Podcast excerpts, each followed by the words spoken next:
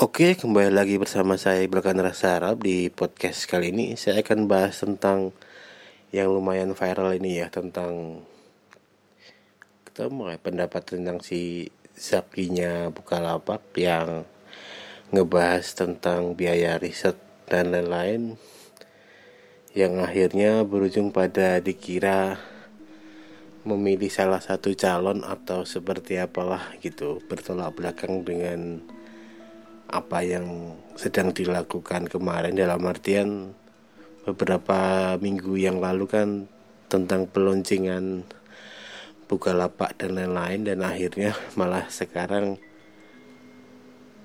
si Zakinya ngetweet tentang masalah biaya riset dan lain-lain yang Indonesia sangat minim. Terus presiden yang baru diharap bisa menaikkan seperti itu. Nah presiden yang presiden yang baru ini dianggap sebagian orang bahwa dia mendukung salah satu calon yang tidak berpihak yang tidak berpihak pada pemerintahan sekarang. Otomatis ya boso gobloknya itu dia dukung Prabowo dianggap kurang lebih seperti itu. Kalau saya sih sebenarnya nggak ada nggak ada yang nggak ada masalah ya dengan apa yang dibahas sama si Zaki itu tapi cuman sebenarnya pemilihan katanya kurang tepat aja sih sebenarnya.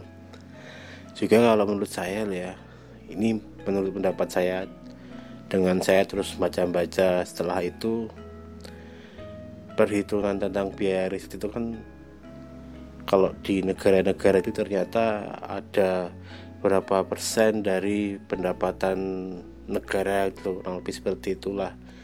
Nah kenapa mereka bisa seperti itu? Ya emang pendapatannya juga segede itu. Jadinya berapa persennya dari jumlah pendapatan yang gede ya otomatis berbeda kan. Nah tapi kalau dilihat riwayat kemarin saya baca di World Bank statistiknya World Bank dan lain-lain itu juga ternyata hasilnya Indonesia dari tahun 99 kalau nggak salah. Sampai data terakhir 2013 itu peningkatannya sangat-sangat signifikan ya. Dari yang yang tadinya hanya titik titik maksudnya start mulai ada itu sampai peningkatan lagi. Nah itu titiknya lebih gede. Jadi nggak belum belum sampai ke grafik ya. Cuman dari titik ke titik kecil ke titik besar. Nah buat saya sebenarnya juga itu peningkatan juga kan. Otomatis itu juga ngaruh ke ya pendapatan Indonesia atau apa juga semakin meningkat gitu loh.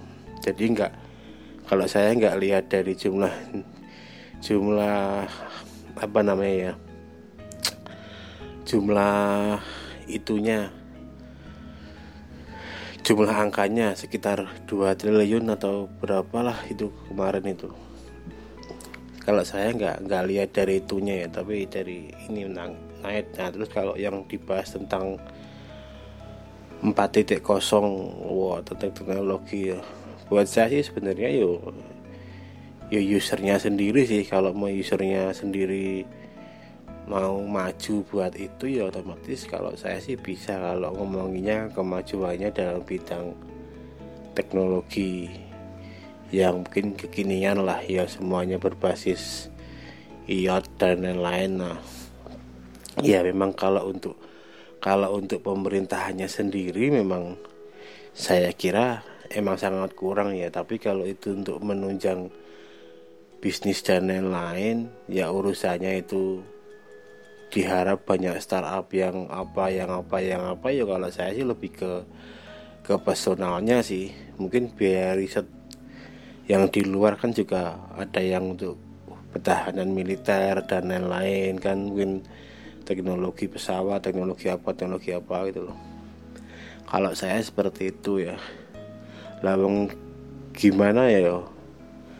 Sekarang aja kalau dia juga kemarin ngomongin tentang banyaknya aplikasi yang top top itu cuma ada dua yang Indonesia dan ada dua atau berapa saya kurang kurang begitu yimak ya buat saya sekarang ini mental developer itu udah udah beda ya sebenarnya.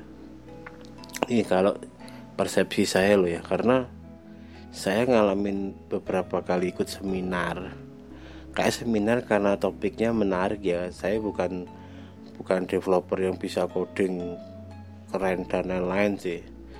Tapi dengan seminar opportunity tentang needs tentang demand dan lain-lain bahwa aplikasi yang paling laku itu ini kalau di otak saya sih oh ini bisa jadi duit ini. Paling enggak dikasih admob itu loh. Jadi nggak nggak muluk-muluk langsung ngomongin unicorn langsung ngomongin kalau saya sih nggak sampai seperti itu ya tapi yang ada ketika seminar-seminar itu tiga kali kalau nggak salah saya ikut seminar seperti itu yang tanya tuh orang tuh langsung para developer developer ini tetap tanyanya langsung gimana sih cara dapatin founding gimana sih? Jadi langsung buat saya kok mindsetnya kok langsung langsung semua ke situ ya enggak enggak gimana sih bikin sendiri dulu loh. Bikin dengan apa yang dia punya dulu. Masalah nanti kalau itu udah gede saya yakin founding atau apa itu akan berbanding lurus kok kalau itu nantinya juga akan gede juga gitu. Tapi kalau dari awal udah mikirnya nyari founding nyari apa buat saya aneh gitu karena sebenarnya kan bisnis apa pun kalau kita ngomonginnya duit kan sebenarnya cuma masalah founding dan lain-lain cuma masalah modal kan. Ya sekarang ya lakuin apa aja dulu yang yang bisa buat start mulai. Kalau punya punya keahlian di bidang itu punya tenaga ya yang dilakukan ya dengan tenaga kita sendiri itu kan. Secara bodohnya seperti itu kan. Facebook aja nggak langsung ujuk-ujuk minta founding kan. Dia karena udah nggak kuat server semuanya udah udah overload dan lain-lain nah akhirnya dia mencoba untuk minta pendanaan dia dapat itu. Dia juga yang bikin juga dia sebenarnya promosi juga dia itu juga dia gitu loh. Jadi nggak yang nggak yang langsung tahu-tahu segede itu tahu-tahu langsung minta founding kan juga nggak nggak gitu juga. Google juga semua berawal dari garasi Apple juga seperti itu hampir semua yang sekarang gede-gede ini kan di Amerika ini kan awalnya cuma dari garasi kan mereka. Nah di sini bahkan mungkin lebih keren dari garasi loh udah punya kafe banyak kafe internet gratis di mana-mana banyak apa nyari referensi gampang. Harusnya kan lebih lebih bisa ya. Kecuali emang kita udah punya duit istilahnya emang kita usahaan atau anak orang kaya yang pengen bikin nah itu udah beda lagi kan tawarin ke perusahaan yang mau ikut biayain itu nah tapi kalau kita yang orang biasa gini tuh gimana caranya itu bisa monetize itu sebenarnya udah udah nilai plus gitu dan kalau mungkin para developer developer gitu gitu para programmer gitu mainnya agak jauh gitu kan sebenarnya banyak aplikasi-aplikasi itu yang ya sampai sekarang juga masih hidup cuman dari ads saja kan cuman dari AdMob dari apa dari apa. Jadi nggak yang nggak yang gimana gitu loh. Ya kurang lebih seperti itu sih kalau saya sih. Tapi sekali lagi kalau saya sih nggak ada masalah sih dengan apa yang Zaki omongin. Tapi cuman kurang tepat aja kata-katanya gitu loh. Bahwa kayak harusnya kata-katanya mungkin kalau agak agak lebih slow lagi nggak usah ngegas semua mempunyai biaya riset yang tinggi untuk kemajuan Indonesia. Semoga setelah tahun 2019 atau setelah ini Indonesia berinvestasi di bidang riset dan lain-lain lebih besar lagi kan? Sebenarnya dengan bahasa yang agak netral seperti itu kan?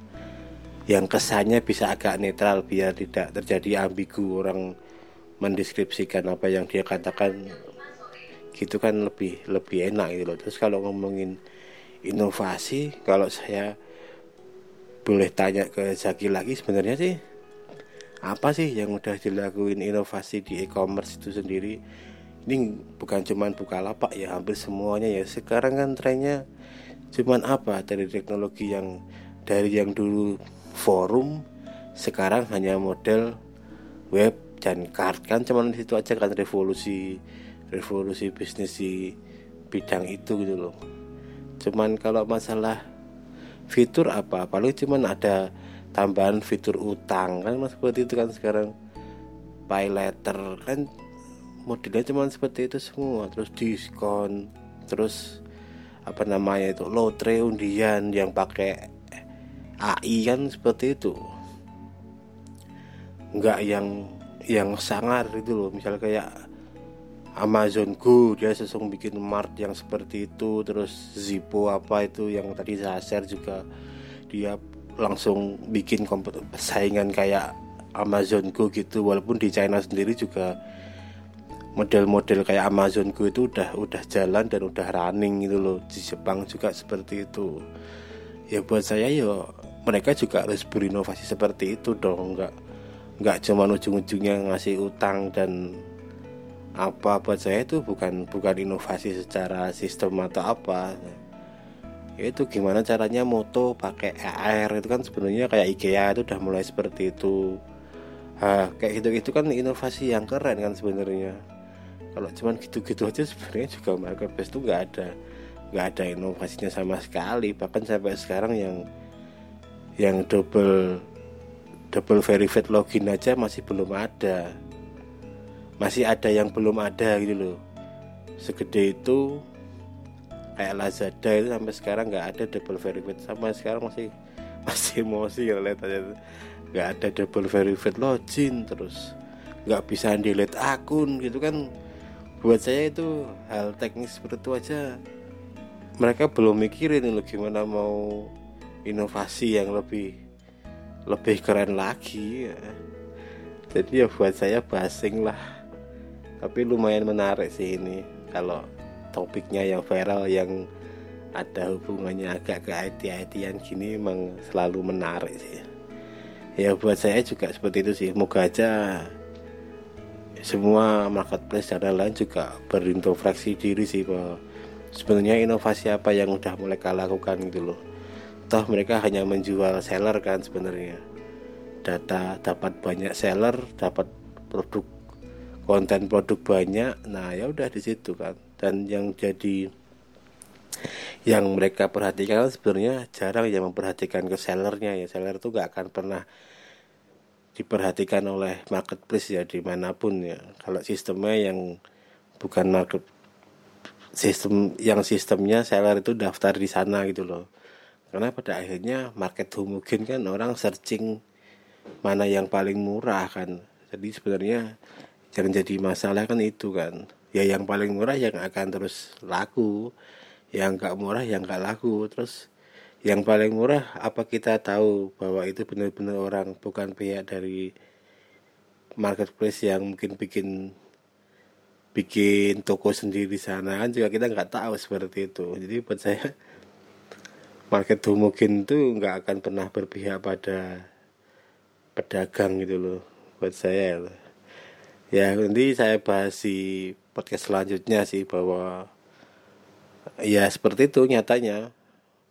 Mau KM mau apa juga semua akan bersaing dengan paling murah karena itu udah terbentuk karakter seperti itu bahwa orang pasti akan filter di daerah paling dekat dengan daerah dia tinggal dan yang paling murah karena ngejar pengiriman biaya pengiriman yang bisa paling murah kan itu secara logika manusiawi ya cuma seperti itu sih muter-muter ya kalau kalau di Indonesia loh ya.